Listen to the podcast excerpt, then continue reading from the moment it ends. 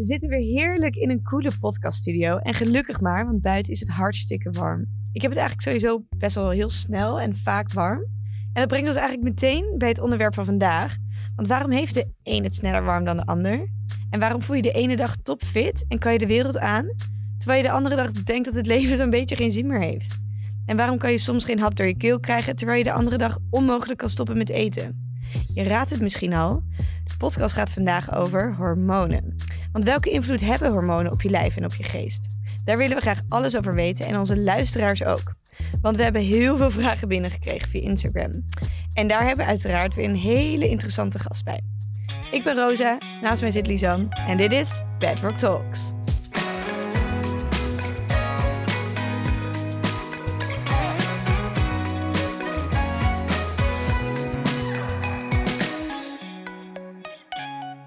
Yes, ik heb zoveel zin in deze podcast. Ik vind dit namelijk zo'n ontiegelijk interessant onderwerp en ik lees er heel vaak over zelf.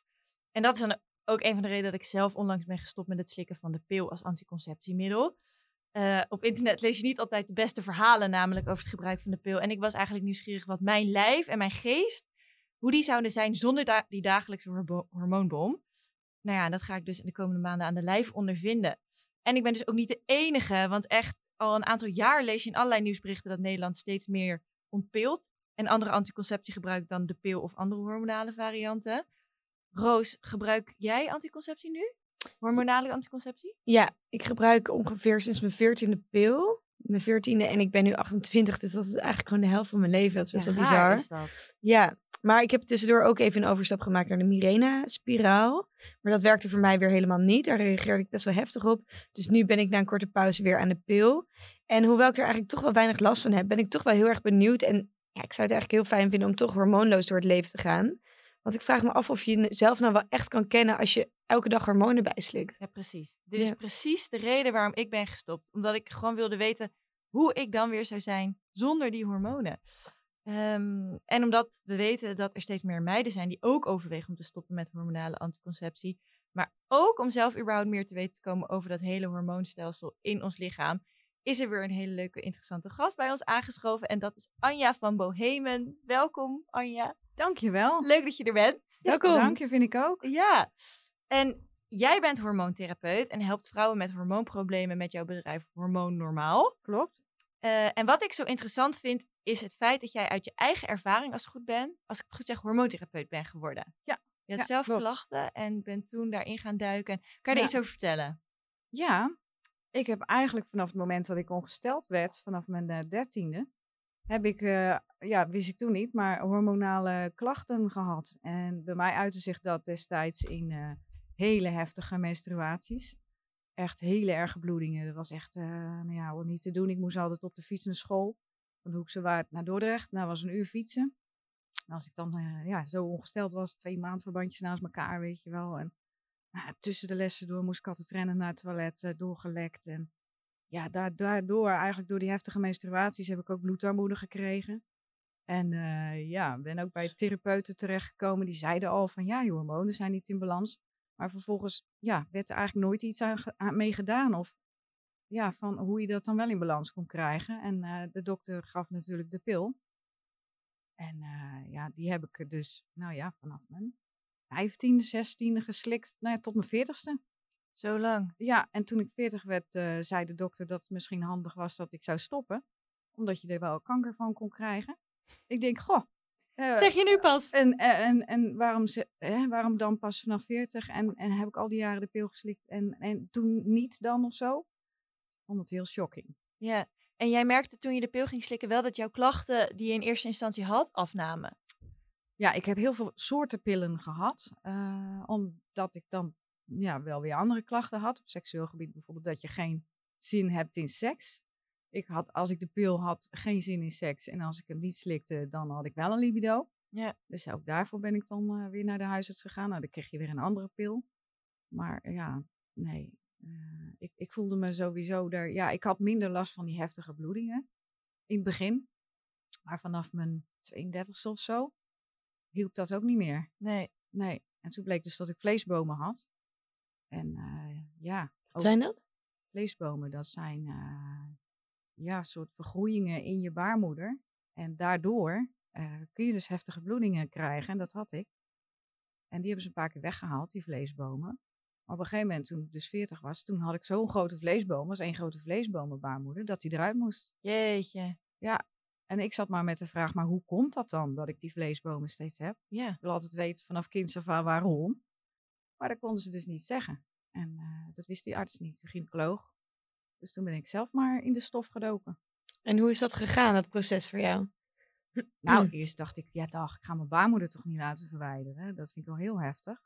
En toen zei die gynaecoloog ook, ja, het hoeft niet. Bedoel, het, is, het is ja, hè, dan loop, blijf je gewoon met die klachten lopen van die heftige bloedingen. En nou, tegen de tijd dat je dan in de menopauze gaat, dan kan het wel weer afnemen. Maar ja, dat was voor mij niet leefbaar. Ik was echt vijf weken ongesteld en, en bloedarmoede, kon niet sporten, niks. Ik was hartstikke moe. Dus toen heb ik het toch maar gedaan.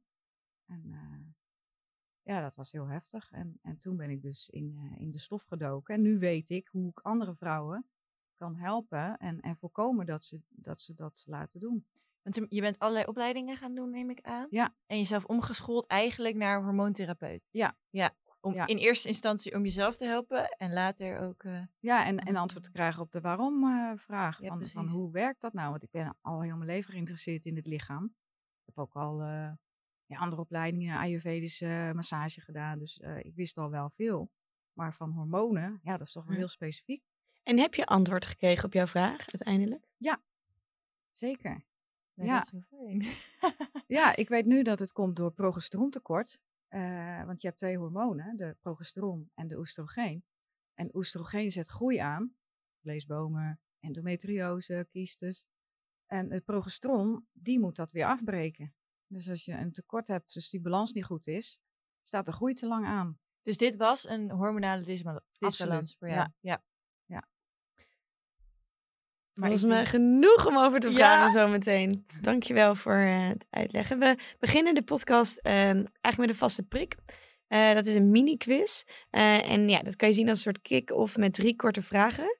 Eh, en dan is het aan jou om ze zo snel mogelijk te beantwoorden. En dan bespreken we ze daarna nog wat verder. Oké, de eerste vraag is: Vind je de pil een goede vorm van anticonceptie? Nee, Wat is de grootste aanleiding voor een hormonale disbalans? de grootste aanleiding. Nou, de pil is een hele grote eh, zwangerschap en het, eh, dat we voortdurend in het kunstlicht zitten. Oeh. interessant. Kan je jezelf wel echt kennen als je altijd hormonen in je lijf stopt? Nee, ik denk het eigenlijk niet. Dat waren ze. Oh. Ehm, je zei, eh, de pil vind jij geen goede vorm van anticonceptie. Nee. Ja, je Dat is- net ook al. Je juichte net ook al een beetje toen ik zei dat ik gestopt was. Ja, Ja, dat is natuurlijk eigenlijk best wel shocking, omdat ik weet eigenlijk hier de cijfers niet over, misschien dat jij dat wel weet. Maar heel veel vrouwen zijn natuurlijk aan de pil. Dat is de Ja. meest populaire vorm van de anticonceptie, kan ik me zo voorstellen. Ja, ja En het is dat- ook gemakkelijk natuurlijk. Ja. Waarom is dat geen goede vorm van anticonceptie volgens jou? Ehm, nou, ten eerste zit er geen ritme in de pil. Eh, hormonen hebben allemaal een ritme. En de pil, ja, die, die, die, die houdt geen rekening met je ritme. Dat is een hele belangrijke. Hoe bedoel je dat? Want iedereen, ja, je slikt natuurlijk elke ochtend of avond of middag. Dus in die zin is er een ritme, maar niet het ritme van je lichaam, bedoel je? Ja, Oké. ja, het ritme van eh, de eerste dagen oestrogeen en dan eh, pro- eh, oestrogeen en progesteron. Het haalt het ritme eh daaruit, het natuurlijke ritme. En het is een hele hoge synthetische hormoon, dus niet bio-identiek. Het wordt zeg maar versleuteld, eh, zodat jouw lichaam het niet kan afbreken. Dus je lever maakt overuren. Je lever moet een enzym aanmaken om die pil af te breken, maar dat lukt niet, want dat is bewust natuurlijk. Want als het wel zou lukken, word je zwanger.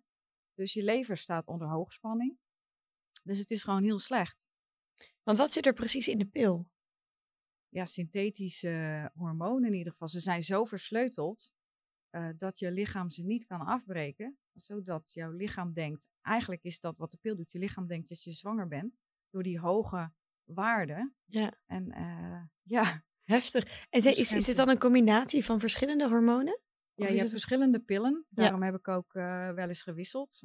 Ja, maar er zit gewoon synthetische progestageen. En eh, ja, ja, de ene is wat meer met testosteron. En ik weet niet precies, ik ben, ben geen expert in, in chemie. Maar ja. En dat, dat is dan ook de reden dat je, als je de pil slikt, of in ieder geval iets hormonaals in je lichaam krijgt, dat je eigenlijk je lijf niet echt kent.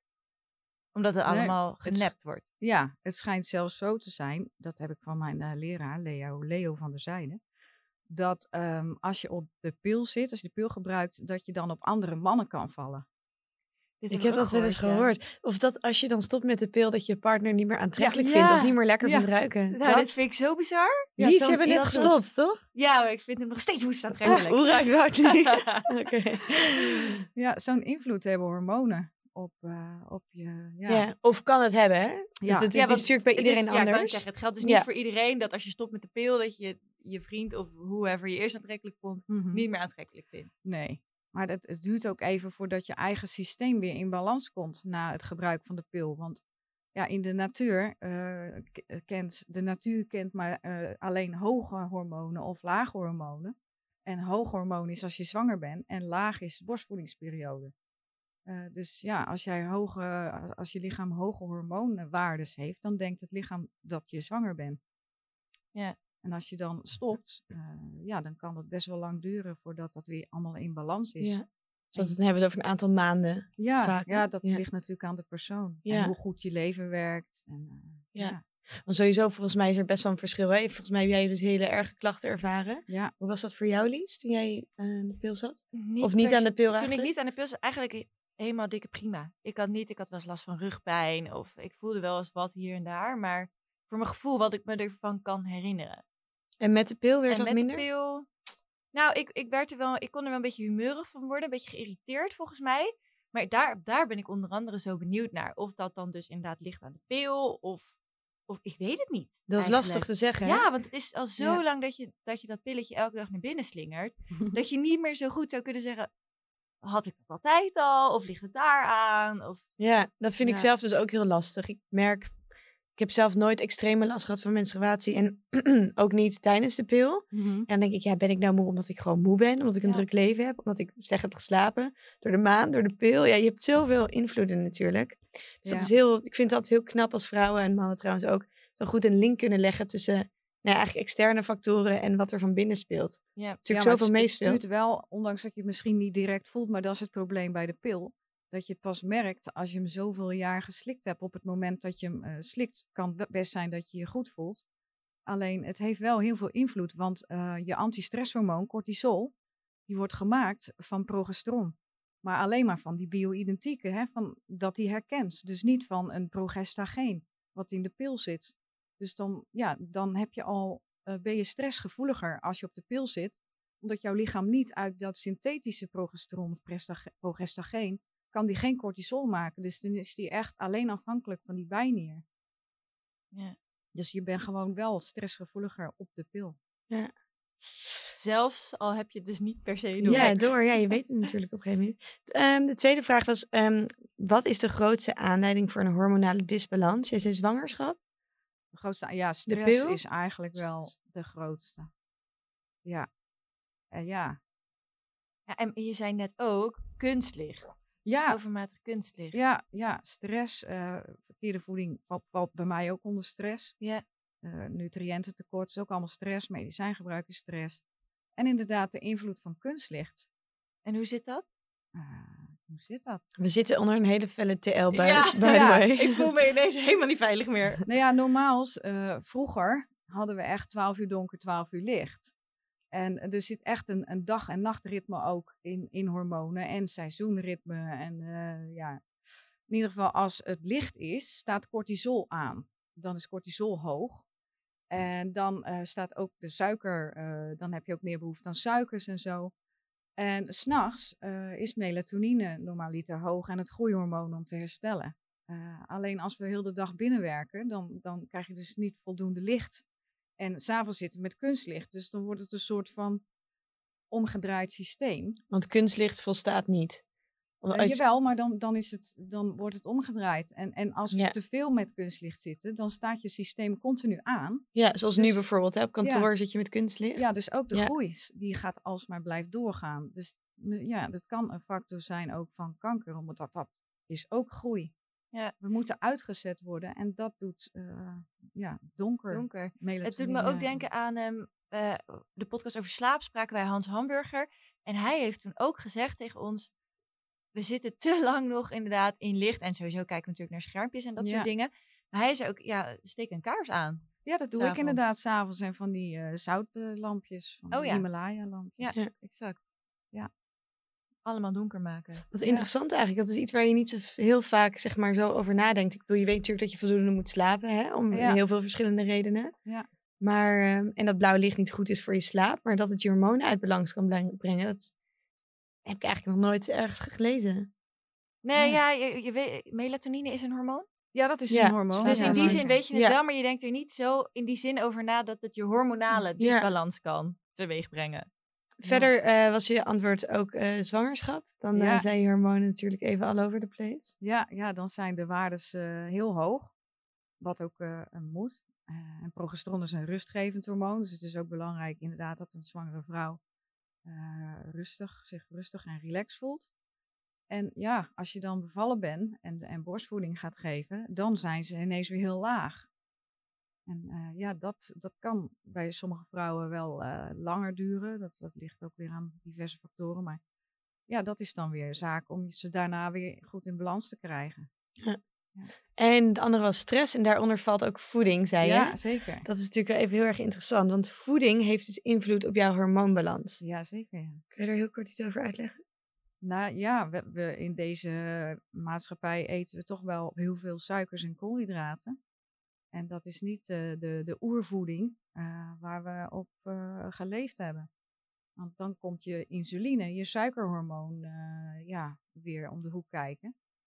En ja, insuline en cortisol en ja, als je dus een hoge bloedsuiker hebt of een piek, dat is ook weer stress.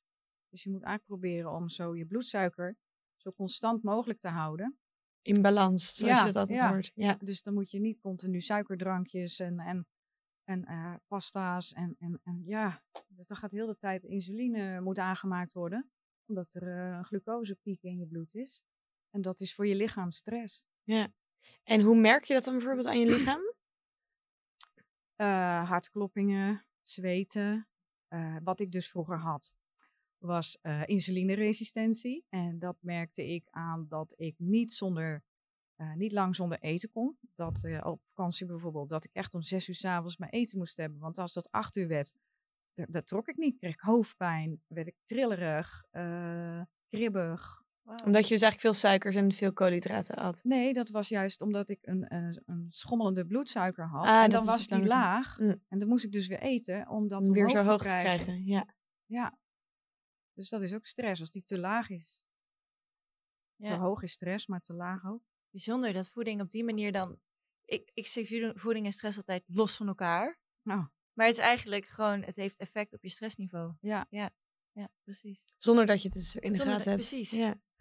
En jij zei, kan je jezelf eigenlijk wel echt kennen eh, als je altijd hormonen in je lijf stopt? Dat is nog maar de vraag.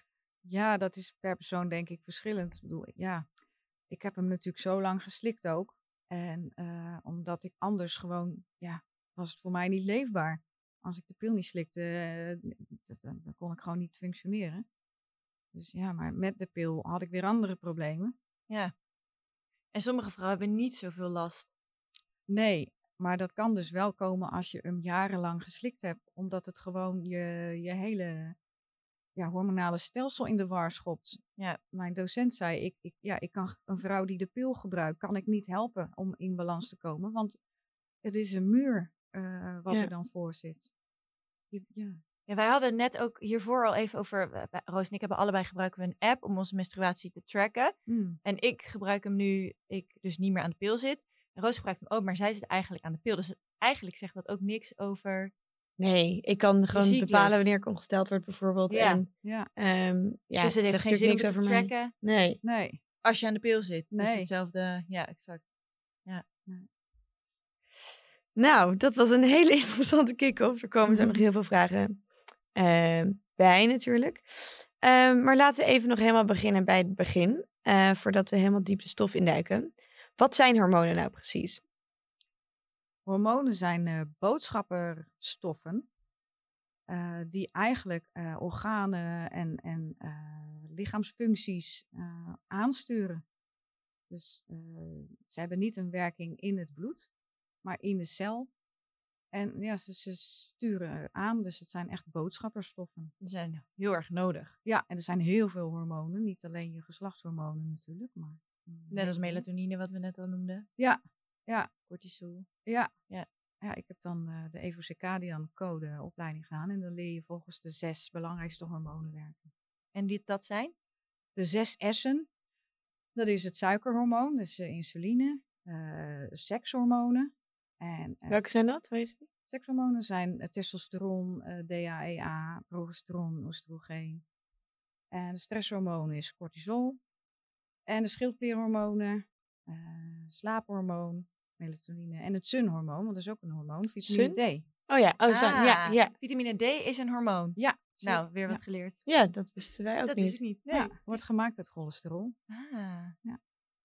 En, dat, en vandaar ook, we zitten in te veel kunstlicht. Want vitamine D maak je natuurlijk alleen maar aan als de zon schijnt. Ja, Exact. ja, daarom is het verstandig om dat in de winter eh, te Ja. slikken.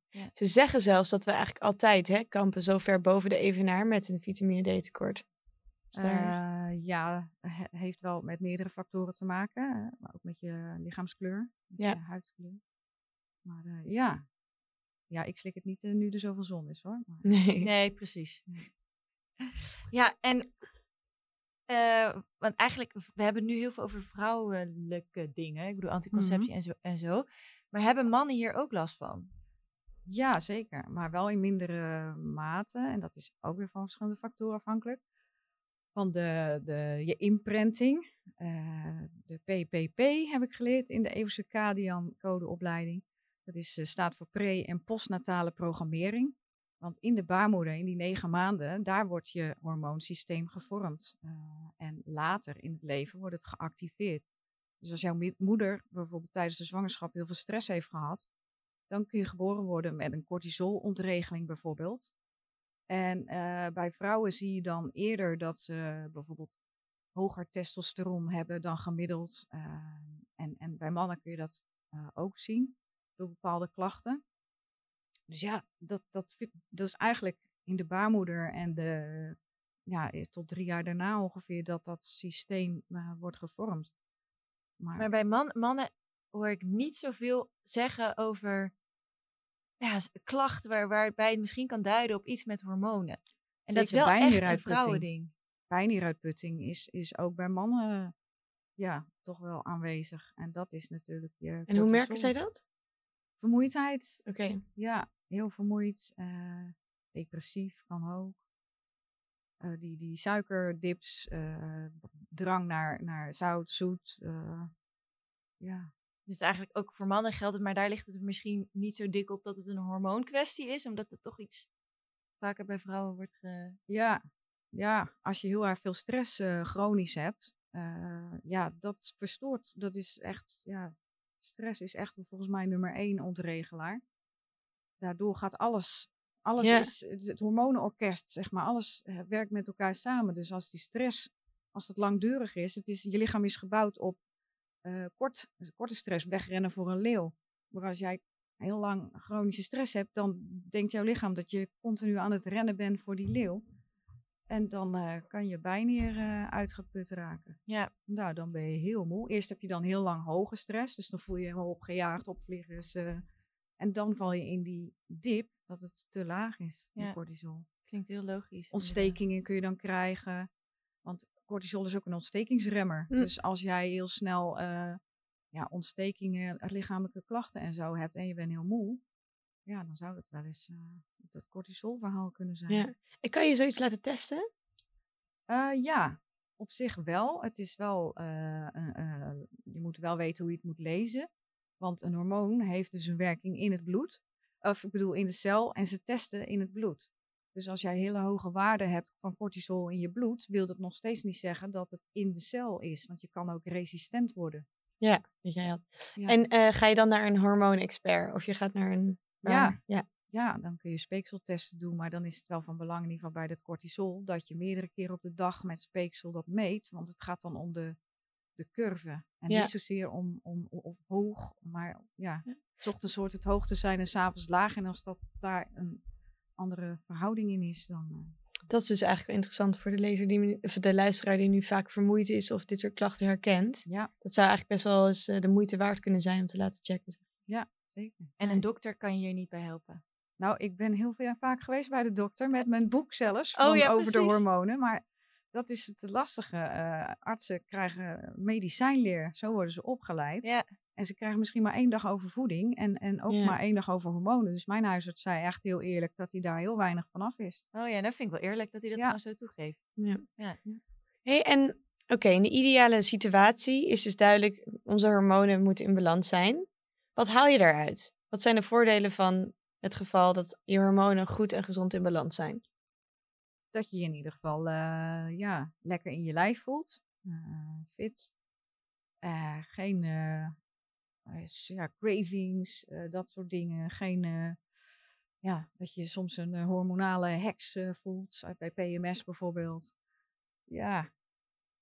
ja, gewoon dat je je lekker, lekker voelt. Wat je je voorstelt bij een goede dag, dat is een beetje een hormonale balans, zeg maar. Ja, precies. En dus bij jou was het bijvoorbeeld dat je libido, ehm, ja, hoe zeg je dat? Ja, normaal of gewoon naar jouw lichaam, dat het meer daarbij paste. Maar dus ook misschien dat je minder eh, cravings krijgt, Ja. eh, minder stress ervaart. Het lastige is hierin, denk ik, dat heel veel vrouwen niet weten dat, dat bijvoorbeeld dat het nog net iets beter kan. Mhm. Dus dat jij misschien inderdaad, wat jij zegt, je bent vermoeid en je denkt, ja, maar ik heb vannacht ook slecht geslapen. Of ik heb misschien wel heel veel, eh, net iets te ver, eh, veel Mhm. gesport of zo. Nou, dat kan een dagje inderdaad, maar als het langer aanhoudt, die vermoeidheid. dan heeft het toch een andere oorzaak. Ja. Ja, precies. Ja. En nou, dit is dan heel fijn, al die hormonale balans. En hoe weet je dan, dat lijkt me een eh, makkelijk antwoord, maar hoe, hoe weet je of je hormonen uit balans zijn?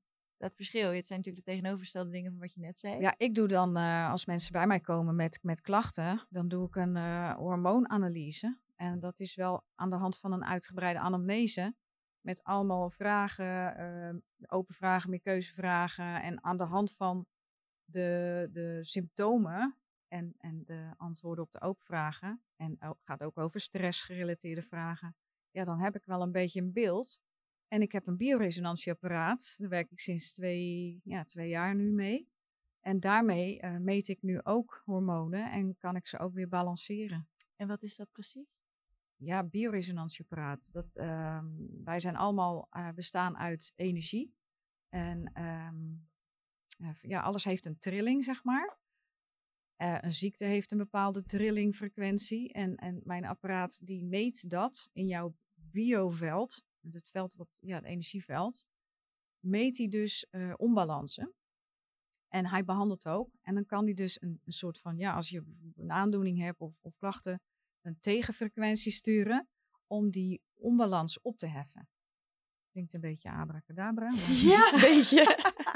Heel bijzonder. ja, Oké, en, en dat apparaat meet dan die disbalans ja, dus ook. Ja. En een eh, vragenlijst die jij voorlegt. Ja, ja, met de vragenlijst, eh, dat doe ik sowieso altijd ook. Of je medicijnen gebruikt en hoe je geboorte is geweest. Of je weet hoe je zwangerschap is geweest. Of je te vroeg geboren bent. Borstvoeding gehad. Dat heeft allemaal invloed op de imprinting van je hormonen. Want als je echt klachten hebt zoals ik die had. En ik deed alles gezond. Gezond eten, sporten, eh, mediteren. Ik, ik deed alles wat, wat Ralf Moorman van de Trainer Hormoonfactor zei dat je moest doen om in balans te komen. Dat werkte bij mij niet. En dan, dan ja, is het dus zaak om te gaan kijken van, hé, hey, eh, wat is er in de baarmoeder gebeurd? Heeft je moeder stress gehad? Eh, is daar misschien een ontregeling ontstaan? En ja, dan, dan kun je heel gezond eten en, en, en sporten en alles doen. Maar dat is dan niet afdoende. Ja. Nee. Ehm, maar op een andere manier is daar dus wel mee te werken. Ja. Hoe, hoe was dat voor jou? Wat heb jij eh, daarvoor moeten doen? Eh, nou, ik ben sowieso bio-identieke hormonen gaan smeren. Eh, toen mijn baarmoeder eruit ging, kreeg ik meteen opvliegers. En dat is raar, want in principe mijn eierstokken zitten er nog. Maar toch heeft dat invloed. Het heeft ook weer verband met elkaar. Maar ik kreeg ieder uur opvliegers en s'nachts. En dat was echt verschrikkelijk. Ja. Ja, en toen ben ik dus bio-identieke progesteronzalf gaan smeren. En eh, nu, ja, dat doe ik nog steeds. Dat, eh, Ja. En dat heeft iemand jou aangeraden of dat heb jij zelf dat heeft Leo van der Zijde. Ja, ja, dat precies. heb ik in zijn ja. opleiding geleerd. Ja. Ja. Ja. Wat fijn dus eigenlijk dat je door zoveel onderzoek te doen gewoon je lichaam leert kennen. Ja. In plaats van eh, ja, maar gewoon te doen wat er, wat op het internet staat. En Ja. eh, pillen te slikken en eh, je lichaam eigenlijk gewoon helemaal niet te kennen. Nee. Nee, en die disbalans die kan dus ook voor de een uit het zich heel heftig en voor de ander gewoon iets minder heftig. Ja, als jij gewoon eh, een goede eh, periode in de baarmoeder hebt gehad en, en een gezonde moeder. En eh, ja, dan, dan, Dan is er weinig in de basis wat. ja, dan is het puur in, in het leven, zeg maar. maar als je al een verkeerde start hebt, of- ja. Want als jouw moeder stress heeft, dan, dan moet het lichaam, de, de maak, zeg maar, ergens gaan. Een, trade-off heet dat. Dan moet het ergens bezuinigen. Ja. Dus ja, dan kan je misschien met een kleinere lever geboren worden. Heb je niet in de gaten. Hm. Maar dan kan je moeilijker ontgiften. Dus ja, zoveel factoren zijn Ja. er van belang. Ja. Ja. En als we het even proberen, zeg maar simpel proberen te schetsen. Welke factoren hebben allemaal de grootste invloed eigenlijk op je hormonen? Ja, stress. Ja. Voeding. Mhm. eh, zitten. Oké, Hè, niet dus bewegen. lichaamshouding, ja. Nee, niet de houding, maar niet sporten. Oké. Niet ja. bewegen. En eh, kunstlicht, Ja. schermpjes. eh. Oké. En geldt dat voor mannen hetzelfde als voor vrouwen? Ja, maar mannen, die hebben het geluk Hm. dat ehm, de progesteron, die hebben niet zo, ja, die issue met hun progesteron, ja, die hebben testosteron. Dus die, die hebben minder ja, last daarvan als je een, verder gezond bent. Ze hebben wel progesteron, maar minder. En dan, we hadden het hier net nog, ook, ook nog even over, want je, je noemde natuurlijk ook vo- voeding. Ehm, welke voeding heeft er dan bijvoorbeeld heel erg invloed op je hormonen? We hebben wel eens gehoord bijvoorbeeld dat, eh, of we hebben eigenlijk wel eens een keer iemand ontmoet, ehm, die mocht bijvoorbeeld geen sojamelk meer slikken. Want daar Mhm. zit er ook heel veel, toch? Er zit oestro- eh, oestrogeen in, als ik het goed begrijp. Ja, ja, een plantaardige. Eh, ja, het, het doet iets met je oestrogeen inderdaad. Het gaat op de receptor zitten van oestrogeen. Dus het heeft een oestrogene werking, maar het is geen hormoon of zo. Ja. Maar ja, dat, dat, het kan juist helpen bij eh, opvliegers. Maar ja, soja is weer ook niet heel gezond. Nee. Omdat het vaak genetisch gemanipuleerd is. Dus als je biologische, dan is het al beter. Maar ik zou niet sowieso soja gaan aanraden. Ja. Ja, af en toe is het niet erg, maar dat is bij alles. Ja.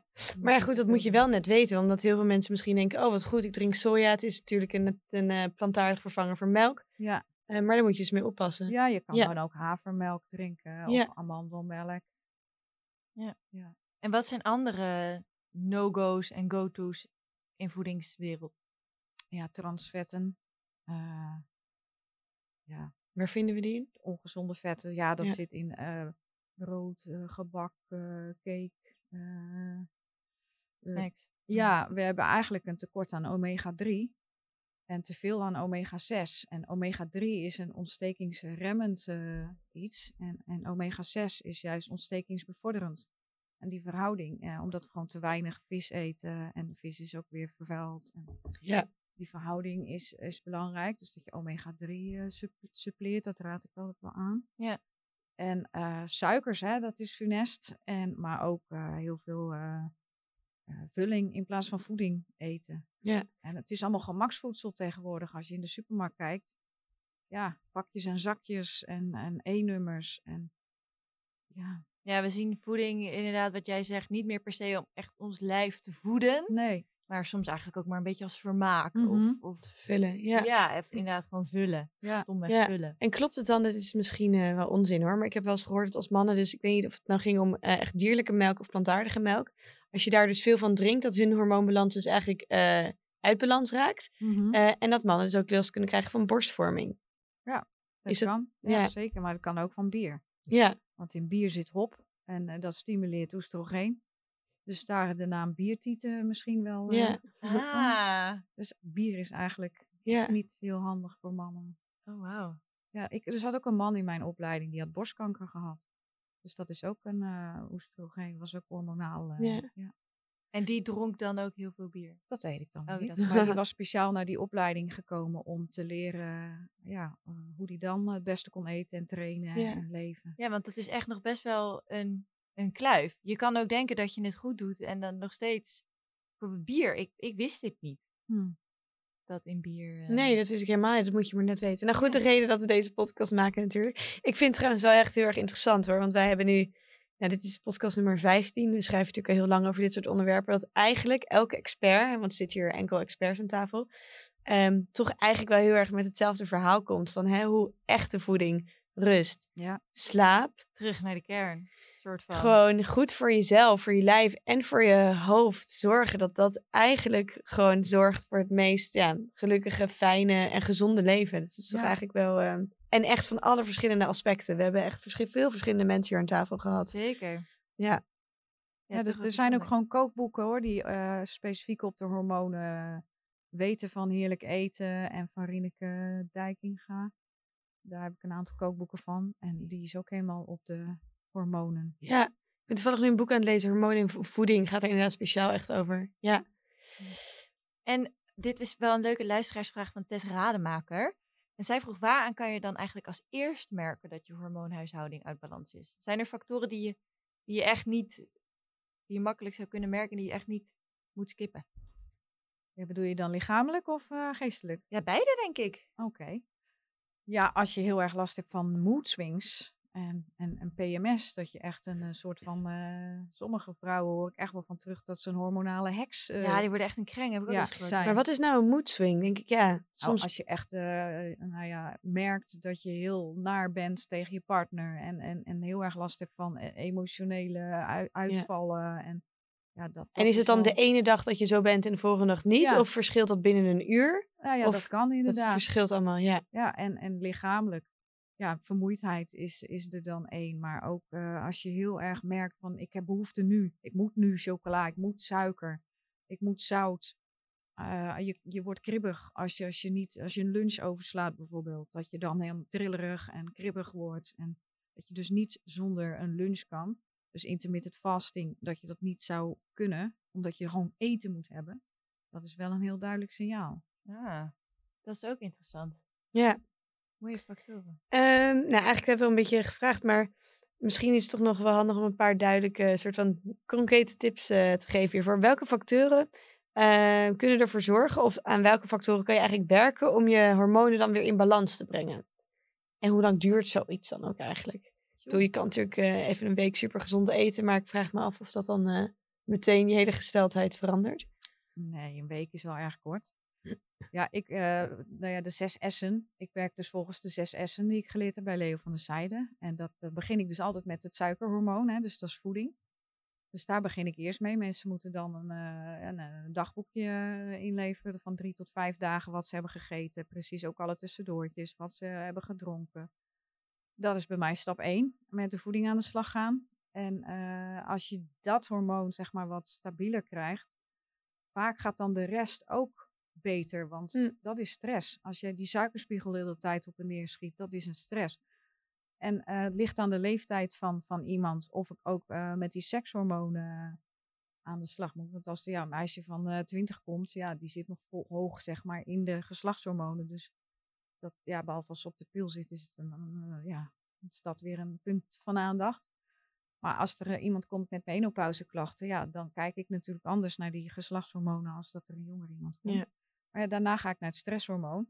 Dus het is eigenlijk die volgorde hou ik aan. Maar ik begin altijd met die voeding in Ja, kaart brengen. voeding en, is en echt de basis. Ik heb ook een personal training opleiding gedaan en vroeger een aerobic docent opleiding. Dus krachttraining, ja, dat, daar kun je dus, hoe meer spierweefsel je hebt, hoe, meer, hoe beter jouw suikerspiegel stabiel is. Omdat in spierweefsel, eh, ja, de, de, de insuline, eh, die gaat in je spierweefsel. Die, die slaat het de glucose op. En eh, ja, dus hoe meer spierweefsel, hoe minder vetweefsel, Ja. hoe beter je eh, bloedsuiker, hoe stabieler. Dus in de gewichten hangen. Ja, een beetje krachttraining is echt wel gezond voor de vrouwen, mannen ook. Ja. Ik heb ook eh, op een sportschool eh, leefstijlconsulten gedaan. eh, en daar had ik de helft wel mannen eh, cliënt die, die ook met hun eh, leefstijl en voeding en fitter en wilde afvallen. Eh, ja, dus daar heb ik ook wel heel veel mannen in mee geholpen. En wat je ook wel veel hoort, is dat je juist heel veel moet gaan wandelen. Dat is meer eh, als je dus een, eh, al in een uitputtingsfase zit. Als je inderdaad eh, die bijneeruitputting hebt, ja, dan moet je niet eh, heel fanatiek gaan sporten. Want dan krijg je nog meer stress van. Ja, wat ik dan wel gedaan heb zelf, is eh, korte hittrainingen. High intensity intervaltraining. Maar eh, als je lang gaat trainen, dan gaat je lichaam weer dit cortisol, dat stre- antistresshormoon aanmaken. Dat is niet handig als je een uitgeputte bijnier hebt. Nee, precies. Nee. Ehm, en we hadden het net al even over eh, supplementen. Dus dit is qua voeding wat je eigenlijk eh, kan doen, zei je. Dus dat wil je allemaal eh, nou ja, gezond en vers eh, en biologisch eten, zei je. Ehm, hoe zit dat met supplementen? Hoe kunnen die daaraan bijdragen? Je had het al even over omega-3, dus dat is visolie. Ja, vitamine D, Ja. visolie. Visolie kan je ook plantaardig slikken, dat is algeolie. Ja, algeolie. Ja, Ja. ja eigenlijk eh, zit het in de vis omdat de vissen algen eten. Ja, kijk. Precies. Ja, Nou, dat is ook twee vliegen in één klap. ja. Ja. En de vis is heel erg vervuild en dat, daar moet je echt mee oppassen dat je niet een, ja, een kwaliteit visolie hebt waar allemaal eh, gifstoffen en ranzige dingen in zitten en vulmiddel en zo. Dus Beter plantaardig. ja, lijnzaadolie. Exact, ja. En zijn er dan nog meer supplementen? Ehm, ja, vitamine C nu, nu preventief eh, voor de COVID. Dat slik ik. Eh, ja, ja. ik doe nu de omega en de D en eh, vitamine C. En ja, het ligt aan de klachten. Als je, als je echt in een uitputtingsfase zit, dan heb je gewoon heel veel tekorten. Omdat je lichaam dan ja, ja, heel veel nodig heeft ja, om, om weer op, op krachten te komen. Ja, dus het is heel persoonlijk. Alleen Ja. die drie zijn misschien wel een soort basis. Ja, vitamine, mineralen. Ja, het, het is best wel lastig om tegenwoordig om dat allemaal uit je voeding te krijgen. Ook omdat de, het zit allemaal niet meer zo in de grond. Ik eet dan alles biologisch en, en geen pakjes en zakjes. Ik, eh, ik, ik ben ook heel snel door de supermarkt heen, omdat ik alleen maar de vers eh, Ja. afdeling eh, heb. Ja, Ja, precies. en voeding is echt, daar kun je al zoveel mee bereiken. Ja. En even over naar een ander eh, eh, onderwerp. Ehm, leven volgens je cyclus. Dat is Mhm. ook wel een beetje een dingetje. Ik zie dat veel meer vrouwen daar tegenwoordig mee bezig zijn. Ook met die apps die ik nu zelf heb. En dat je op bepaalde momenten in je menstruatie of in je eh, cyclus bepaalde dingen wel doet en bepaalde dingen niet doet. Ehm, wat houdt dat precies in? Ja, ik heb natuurlijk zelf nooit eh, volgens mijn cyclus geleefd, want ik was altijd op de pil tot mijn baarmoeder eruit ging. Dus dan heeft dat ook geen zin. En Nee, als je op de pil zit, eh, ja, dat, dan, dan is het toch al helemaal, ja, het wordt gewoon Dan is hij er niet. verstoord. Nee, dan Ja. heb je niet een natuurlijk ritme. En eh, ja, voorheen was echt de, dat, dat we nog eh, in de natuur leefden, de nieuwe maan. Dat je dan eh, eh, ovulatie eh, had. En, ja. Of als je heel veel vrouwen bij elkaar zet, hoor je wel eens dat ze dan allemaal tegelijk eh, op een gegeven moment gaan, gaan menstrueren en tegelijk die ovulatie. Maar ik heb het ook nooit gevoeld, die ovulatie, omdat ik altijd op de pil eh, zat. Maar ik spreek wel vrouwen die echt voelen op het moment dat ze die ovulatie hebben. Heel bijzonder. En zelfs vrouwen die zeggen van ik voelde precies wanneer ik zwanger was, wanneer die, vers- die Hm. versmelting was. Wauw. Heel bijzonder. Ja, joh. Ja. Maar dit is dus niet iets wat jij zelf toepast. Ook niet nu.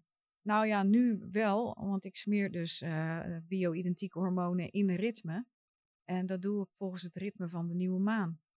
Kun je daar iets over vertellen? Wat houdt dat in? Eh, ja, ik begin met het smeren ja, van ehm oestrogeen. Mhm. Eh, dat is de, hoe het normaal gaat. Dat je lichaam gaat, de eierstokken gaan oestrogeen aanmaken. Het is het begin van je cyclus, is Ja. dit? Ja. Ja, en dan gaat er zo'n eicel rijpen. En dan als het ja, openbarst, ontstaat er een geel lichaam. En dat gele lichaam die gaat progesteron maken. Dus ik begin dan, nou ja, dag drie na de nieuwe maan te smeren met eh estradiol, oestrogeen. En dan vanaf dag 12 tot dag 14 ga ik ook progesteron smeren. Dus dan smeer ik ze allebei. En ik, dus ik, ik boots eigenlijk het natuurlijke ritme na. En dan stop ik op dag 25. En dan, dan stop ik vijf, zes dagen. En dan ga ik weer Ja. drie dagen na de nieuwe maan. En het is wel interessant dat je het linkt aan de nieuwe maan. Ja, Waarom, waarom doe je dat zo? ja omdat eh, ik heb eh, geleerd dat met die nieuwe maan, eh, dat dat heel veel invloed heeft. Dat dat, dat dus de periode was dat, dat vrouwen ja, ja, die nieuwe maan heeft heel veel invloed op je cyclus. Maar je smeert het dus niet aan de hand van je cyclus. Dus nee, want ik wanneer- heb geen cyclus omdat ik geen baarmoeder heb. Nee, precies. Ja, dus voor jou is dat dan weer anders. Ja, en vrouwen die al in de menopauze zitten, hebben ook geen, mm, ja, 9 van de 10 keer of heel onregelmatige cyclus of geen cyclus. Ja. Dus ja, je moet toch iets aanhouden. Ja, Ja. dus dit, dit, dit, dit werkt voor jou. En Ja. ja, ja want Lies, jij hebt ook wel eens een cursus gevolgd, hè? Leven volgens de cyclus. Ja. En daarbij werd volgens mij eh, heel erg verteld dat je dus in bepaalde weken bepaalde dingen, taken wel kan aanpakken. Misschien in de andere weken iets rustiger moet doen. precies. Wat heb je daaruit opgestoken?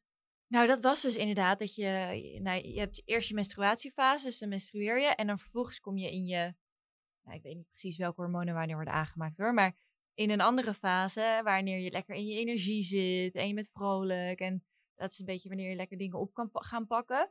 Ehm, en wanneer je lekker kan gaan sporten, daar heb je dan veel energie voor. En dan, eh, dan werk je toe naar je ovulatie. En dan vervolgens neemt het allemaal een beetje af. Als Mhm. je weer naar je menstruatie toe werkt. En dan kan je je iets vermoeider voelen. Kan je iets meer tijd pakken om juist te gaan wandelen. In plaats van hittraining bijvoorbeeld. Oh, ja, Dat is een beetje wat ik daaruit heb Ja. opgenomen. En rond je ovulatie bij- is jullie libido dan ook hoger, toch? Ja. Ja, voor. Ja. Oh, het vlak ervoor. Dat is op ja. zich wel eh, voor mij logisch, omdat je dan een piek hebt in een eh, LH en dat stimuleert testosteron. En testosteron, eh, ja, dat is wel als je dat, ja, dat heeft eh, invloed op je libido. Ja, precies. Ja. Ja. Maar voor jou is dat inderdaad het leven volgens de cyclus. Is het leven volgens de cyclus van de maan. Ja, maar in deze westerse rat race maatschappij is het niet echt, vind ik althans, te doen om, om te leven volgens de hor- hormonen. Want ja, je, ja, je moet zoveel. Eh, Ja. Je, ja, je kan niet zeggen, ik ga eens even nu rustig aan doen en niet werken. Of, Ja. Ja, of je zou kunnen bepalen van oké, ik zorg ervoor dat mijn omgeving rustig is. Dat ik minder prikkels heb van buitenaf. Dat ik rustiger ga wonen. Minder eh, honderdduizend afspraken heb natuurlijk. Dus in die zin heb je ja, gedeeltelijk wel invloed misschien op ehm, ja, ik zou gewoon heel goed naar mijn lichaam luisteren. Ja. Want we staan allemaal zo ver daarvan daar af prioriteiten in tegenwoordig. maken. Ja, gewoon eh, als je 's ochtends bijvoorbeeld een korte meditatie doet en even invoelt van waar je behoefte aan hebt en hoe je je voelt. Ja. Want wat kan het je dan brengen als je stel je voor je leeft volgens je cyclus? Dus eh nou, Lies is bijvoorbeeld nu van de pil af. En zij Mhm. gaat haar, haar leven de, nou, tijdens een hele cyclus een beetje in, indelen op haar... eh, nou ja, eigenlijk ja, op je gemoedstoestand, op je lichaam. Wat, wat, wat zou het haar kunnen brengen voor onze luisteraars? Ja, de balans en eh, energie, denk ik, en, en rust. Ja, als je rust in je hoofd hebt, ja, dan, dan heb je dat ook in je lichaam. Als je heel veel onrust in je hoofd hebt, dan heeft dat ook weer invloed op je lichaam en dus op je hormonen. Nou Lies, misschien... Ik eh, ben benieuwd. Ja, en misschien, is, en misschien is deze hele thuiswerksituatie daar ook wel iets... eh, Bevorderlijk voor. ja, Ja, dat ja, vind ik ook. wel. Zo Misschien is ik wel dat een hele mooie periode om meer rust te nemen, te in, in te tunen met jezelf. Je hebt natuurlijk minder gehaast van hot naar her. Alles doe je iets meer op je eigen tempo. Precies. Pak Dus, juist die reistijd die je eerst had, misschien om even bij jezelf na te gaan en even rust te pakken, te mediteren. Ja, weet ik en je hebt natuurlijk minder prikkels en dingen om je heen de hele tijd en je moet minder. Dus dat is misschien ergens ook wel een mooie periode om dit te testen. Precies. als je dat zou willen. Ja, ja, Ja. eens. En ehm, er was ook nog wel een mooie luisteraarsvraag van Amy Cohen. En zij vroeg wat ze dan eigenlijk tegen vermoeidheid rond haar menstruatie kon doen. Eh, ja, dat ligt eraan, is ze aan de pil? Ja, precies. Zijn er andere alweer, factoren die spelen? Ja, Dat is, eh, ja, dat is wel heel basic. ja. Als ik En ervan weet- uitgaande dat zij aan de pil zit? Ja, dat is wel een verstoorder. Ehm, ja, dan nog is het belangrijk, van, heeft ze veel stress? eh, een, een- baan die veel van haar vraagt. Ja, Dit is eigenlijk niet zo Nee. oud in blue over zo'n algemene vraag Nee. te beantwoorden. Dat is heel specifiek. ik weet niet hoe de voeding is, hoe de leefstijl is. Ja. Misschien moet ze jou even een mailtje Ik sturen. wou net zeggen, Amy, mail even naar Anja. Ja. Precies dat. Ehm, en ja, ik wil eigenlijk ook nog iets weten over anticonceptie. Want heel veel vrouwen slikken dat toch wel. Maar toch lees je ook de laatste tijd steeds wel vaker eh, dat Nederland ontpilt. In 2017 kopte AD dat bijvoorbeeld al. En ik word ook steeds vaker om me heen. En nou ja, ben zelf gestopt. Waar komt dat ineens vandaan? Die trend. Ja, dat, dat is, eh, weet ik niet eigenlijk, maar het is wel een goede trend. Want de pil staat eigenlijk op, eh, ik geloof vanaf 2005 al op de lijst van carcinogenen bij de WHO. Dus Ja. giftige stoffen, Oh. net als asbest en dergelijke. Nee. Ja, echt. En Hm. die wordt gewoon... eh, Maar dat mag wel voorgeschreven worden. Ja. Dat is vreemd, toch? ehm, ja en nee. Eh, er wordt veel geld mee verdiend. Gewoon de farmaceutische industrie hebben we het dan weer over. Ja. Wat bizar eigenlijk. Wat dat voor, wat Ja. dat voor impact kan hebben eigenlijk. Gewoon Ja. grote corporate bedrijven. Die dan zoiets maar bepalen. Ja, heel bizar. En ja, dit is eigenlijk bizar. Ja, dit was eigenlijk een vraag die ik graag wilde stellen, maar dat heb je eigenlijk al beantwoord. Of de pil ook een slechte invloed eh, kan hebben, ook als je er onges- geen last van eh, hebt. Wat ik dus eigenlijk heb. Ik voel me prima. Ja, alleen u- kan het zich pas na jaren dan eh, uiten. Dan, dat je het niet zelf in de gaten hebt. En hoe bedoel je? Het kan zich na jaren uiten nadat ik Eh, ges- gestopt zou zijn, bedoel ja, je? Of- want het, eh, jij hebt hem dan zeg maar iets van 20, 25 jaar geslikt. Eh, maar dat doet wel iets met je lijf. Omdat Ja. die hormonen steeds synthetisch hoog worden gehouden, Ja. denkt jouw lichaam voortdurend dat je zwanger bent. Ja. Dus dat is best. eh, Dus ook al merk je niks, er van, binnen gebeurt iets. Want ik ben wel eens een half jaar gestopt, maar toen merkte ik ook Ja. niet echt iets of zo. Nee. Ja. En ehm, iets waar we heel veel vragen over binnen hebben gekregen, is wel heel mooi hiermee in lijn. En dat is eh, over anticonceptie zonder hormonen. En echt uiteenlopende vragen over wat de beste anticonceptie is zonder hormonen. En eh, over koperspiraaltjes en weet ik het allemaal. Mhm. Wat zijn de voor- en nadelen van zulke anticonceptie? En is er een beste anticonceptiemethode? Ja, als het puur is om niet zwanger te worden, dan eh, zou ik een koperspiraal of gewoon condoom eh, aanraden. Maar de Mirena-spiraal ook niet. Want daar zitten weer progestagenen in. Ja. Dat heeft ook, ja. Waar jij heel veel van merkte. Roos. ja, ik ging over op de koperspiraal, omdat ik dus ook gewoon een keer wilde stoppen met de pil. En daar kreeg ik dus echt hele heftige, nou heftig, ik kreeg gewoon acne van. Gewoon een soort van onderhuidse, of Mirena-spiraal. Mirena? de Mirena. Ja, Oh. die zei koper. Ja. Oh, zij koper? Ja. Oh, nou. Oeps. Ehm, van de Mirena-spiraal. En eh, maar ik dacht, weet ik veel, ik ben student, ik ben aan het feesten en ik eh, leef waarschijnlijk helemaal ongezond en ik sliep te weinig. Mhm. En toen op een gegeven moment ging ik naar de dermatoloog en daar kreeg ik dus antibiotica tegen. En toen zei een vriendin van mij, oh ja, nee, ik ben gestopt met de Mirena-spiraal, want eh, ik heb te veel testosteron in mijn lichaam, of meer dan gemiddeld, Mhm. waardoor ik dus acne kreeg. En toen dacht ik, oh, dat is het natuurlijk. Dus dat bleek ik dus ook te hebben. Dus het is natuurlijk ook eigenlijk te gek voor woorden dat je dan een eh, hor- hormoonspiraal, eh, een Mirena-spiraal eh, in je hebt met hormonen. Ja. En daartegen dan weer antibiotica slikt, Mhm. om dan je acne weer weg te krijgen. Nou, toen dacht Ja. ik ook, nou, snel Het eruit. een met het ander bestrijden. Ja, dus maar dat je is... hele eh, ritme is dan weg met Ja. je Mirena-spiraal. Vaak word je geen eens meer ongesteld. Nee, ik ben ook eh, Dus toen uh, hebt 2,5 jaar geen geweest. Nee. Natuurlijk eh, Nee. hormonaal ritme meer. nee. Dus jij zegt eigenlijk of condoom, als je niet zwanger wilt worden, want dat is denk ik voor de meeste luisteraars in die doelgroep nu ongeveer het geval. Ehm, en geen eh, hormonen in lijf wil, dan zeg jij dus of de Koperspiraal. koperspiraal. Want die ehm, geeft ijzer af, hè, als ik het goed heb. Eh, koper. Ja, Koper. maar die, die zit gewoon in je baarmoeder. En die zorgt ervoor dat het eitje niet kan nestelen. Die heb ik ook jaren gehad. Ik heb Ja. vijf jaar koperspiraal gehad. Daar heb ik geen last van. En van de Mirena, die heeft mijn lichaam er twee keer zelf uitgewerkt. Zo. Dat Wauw. was heel pijnlijk. Ja, en dat hoor je vaker. Het enige is wat je natuurlijk ook wel vaker hoort. Dat is een beetje, ik zit nu te denken of ik aan de koperspiraal wil namelijk. Ehm, er wordt ook wel veel over gezegd dat de kans nogal groot is dat je zwanger wordt alsnog. En dan hoor ik toevallig weer allemaal van die doemverhalen heel erg dicht om me heen. Die dat hoor je dan- natuurlijk. Ja, blijven de, de een kent voor drie mensen bij wie dat is gebeurd. denk ik, Hmm. oh ja, shit, is dat dan wel zo? eh? Ja, dat kan ook met condooms. Ja. En met de pil natuurlijk even goed. Ja. Ja. En je hebt ook nog een, een ding, ik weet de naam even niet. Eh, wat je temperatuur, dan moet je iedere ochtend... Ja, Die heb ik toevallig inderdaad ook pas een beetje ingedoken. Omdat Ja. ik dus ging stoppen met de pil. En ik dacht, wat moet ik dan? En dan moet je inderdaad elke ochtend een, je, onder je tong je temperatuur meten. En dat zou dan heel, na een aantal maanden heel goed kunnen voorspellen wanneer jij wel of niet seks kan hebben zonder Ja. condoom eigenlijk. wat je wanneer je ovulatie is, ja. Ja. Ja. En dan nog heb je niet hetgeen waar ik de pil voor gebruikte, dat ik niet zo erg eh, ongesteld Ja. was en het kon regelen wanneer dat ik niet op vakantie ongesteld was. Ja, want dat is natuurlijk met de koperspiraal wel het geval. Je wordt gewoon, je menstrueert gewoon, Ja. dus maar wel volgens je cyclus. Ja. Dus leven volgens je cyclus kan dan.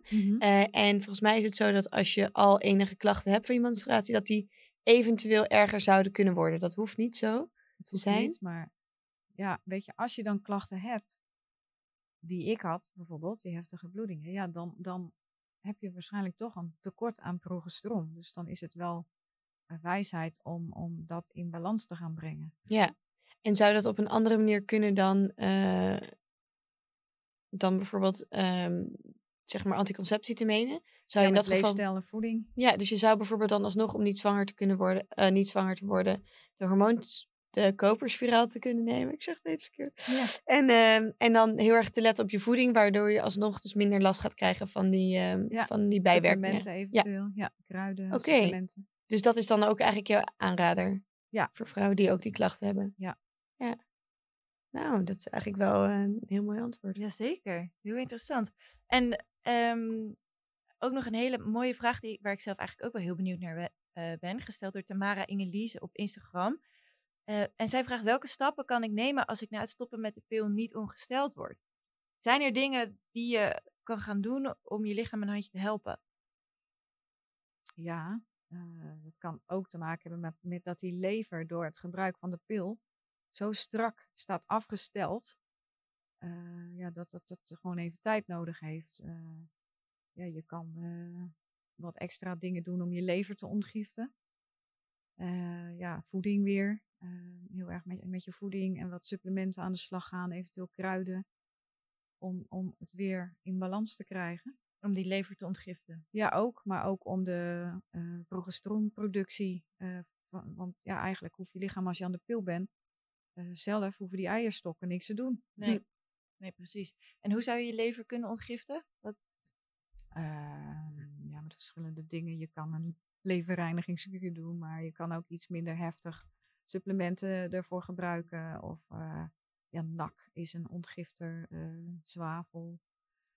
Ehm, voeding, met voeding kun je ook, eh, of een sapkuur, ja, gember. Je kan zoveel eh, met voeding ook doen. precies. Ja, een detox. eh, ik ben bijvoorbeeld wel eens een detoxweek heb ik gedaan ergens. Dat je alleen maar sapjes krijgt en dan ja, ga je ook goed reinigen. Ja. We hebben eigenlijk nog een luisteraar, s- vraag van Anouk. Zij vraagt zich af of de pil doorslikken nou echt zo slecht is. Ja? Ja, dat Mijn is, dokter heeft wel eens Ja? verteld, nee joh, Oh, kan ja. geen kwaad. Dat dacht ik ook. En eh, Dat zegt de dokter wel. Maar ja, dat is weer dat verhaal van dat ritme. ja, Ja, het is gewoon eh maar dat niet ritme, ritme heb je toch al niet natuurlijk als je de pil zit, dus maakt maar het dan nog uit? Ja, het, het is niet... eh, nee, het is niet aan te... Ja, kan, een keer is niet erg, maar om continu die pil door te Nee. slikken, nee. Want dan haal je helemaal... eh, Alles hoog. Ja, dan kan ook die reiniging van eh, menstruatie niet plaatsvinden. Nee. Ja. Want je zei er hiervoor ook eventjes dat jij dus vroeger ook de pil slikte, omdat je dan zelf kon bepalen wanneer Ja. je dan ongesteld wordt als je bijvoorbeeld op vakantie gaat. Ja. Daar moeten we dus gewoon maar mee leren leven. Nou ja, ik zeg niet dat je dat moet doen. Want Maar ik, het is- ik vond het voor ja. mij was het niet leefbaar. Maar Nee. ik wist ook toen nog niet wat ik anders kon doen. Nee. En, en waardoor kwam. Nee.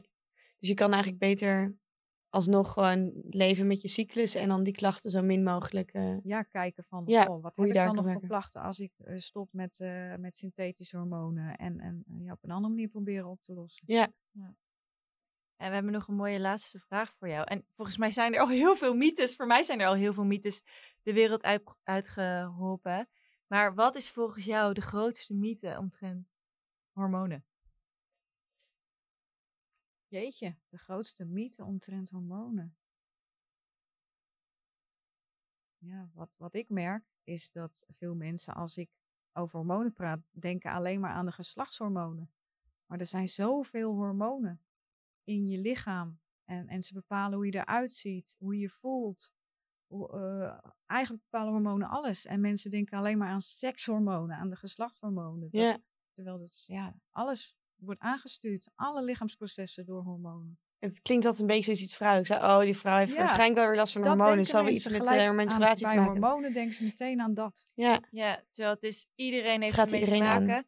En het kan zelfs al dat jij als kind, zeg maar, jouw moeder kan effect hebben op jouw Ja, disbalans eigenlijk al. ja maar ook eh, psychisch. Je hebt ook de, Ja. de neurohormonen en, en de leptine, de ghreline, de maag. eh, Ja. Serotonine, of je je happy voelt of niet. Ja. Ja. Het is zoveel groter. ja. nou, Allergieën, histamine. Dus Ja. zoveel hormonen. ja. Een oneindig interessant Ja. onderwerp. Volgens mij kunnen we Ja, door blijven praten. Maar volgens mij was dit een heel mooi einde zo. En hebben we al heel veel mooie antwoorden gekregen. Mocht je als luisteraar nog vragen hebben, dan kan je altijd een bericht sturen naar Anja. Waar kunnen ze jou vinden? Op hormoonnormaal.nl. En daar kunnen ze jou een mailtje sturen. Ja. Of eh, Ja, nou dat is helemaal goed. Dus uh, daar kan je Anja vinden. Uh, ik ben heel erg benieuwd wat uh, deze podcast allemaal teweeg gaat brengen bij jullie. Ik ga in elk geval binnenkort ehm, hormoonloos proberen te zijn. Ik zat al een tijdje door mijn hoofd te spoken. En nu, eigenlijk in de eerste vijf minuten, dacht ik al, ik moet er nu mee, nu mee stoppen. Oh. kan ik zomaar stoppen met de pil? Ja. Gewoon nu. Ik hoef dat niet af te maken of iets. Nee. Ja. Uh, ik ga nog even kijken of ik dan de hormoon, de koperspiraal neem of niet. Mediteren s ochtends lijkt me um, ook een hele mooie om dan in te tunen. Ademhalingsoefeningen. Ademhalingsoefeningen. Ik denk, ik heb nu visolie, maar misschien dat ik dan overstap naar algeolie. De plantaardige vorm die eigenlijk dus algeolie, ja. ja. meer geconcentreerd is. Heel Lies, um, is er al iets wat jij uh, gaat veranderen na deze podcast? Ja, nou, ik, ik ben dus toevallig echt drie weken geleden gestopt met de pil. En toch wel dat je dan gaat googelen van, oké, was het nou wel de juiste keus? En want zoveel klachten had ik nou ook weer niet. Ik wil gewoon alleen maar een beetje weten wat het voor mij betekent. Of ik mezelf herken. Dat ik ineens heel anders word, weet ik het allemaal. Maar het heeft voor mij wel bevestigd dat ik wel een goede keuze heb gemaakt. Uh, en um, ja, inderdaad, die dingen die jij zegt, dat vaker intunen bij mezelf. Mm. Om meer te kunnen gaan voelen van wat voel ik nu echt. Want nu kan je daar wat over zeggen. Nu je niet meer aangestuurd wordt door ja. een bak aan, uh, aan hormonen. En als jullie vragen hebben, kan ik altijd een keer met bioresonantie uh, meten. Oh ja, het is het apparaat waar Precies, ja. Nou, dan komen we langs. Ja, zeker. Kijk, het. Ja, ik denk dat ik over een aantal maanden misschien ook wel erover kan schrijven of iets om een beetje mijn uh, ervaringen te laten horen. Lijkt mij wel leuk in ieder geval. Voor nu ga ik in ieder geval lekker op vakantie straks. Mm. En zodra ik terug ben, duiken Roos en ik weer opnieuw de studio in. En dan voor een opname van Bedrock Meets. Dat is onze nou ja, een nieuwe podcastserie. We hebben eerst Patrick Kikker geïnterviewd. Uh, en toen kwam corona, dus toen lag het een tijdje stil. Uh, maar nu gaan we er weer leuk door mee. Uh, en in Bedrock Meets interviewen we bijzondere mensen die de wereld op hun manier een beetje mooier maken. Dus hopelijk tot dan weer. Doei doei. Bedankt voor het luisteren. Yes. Dankjewel.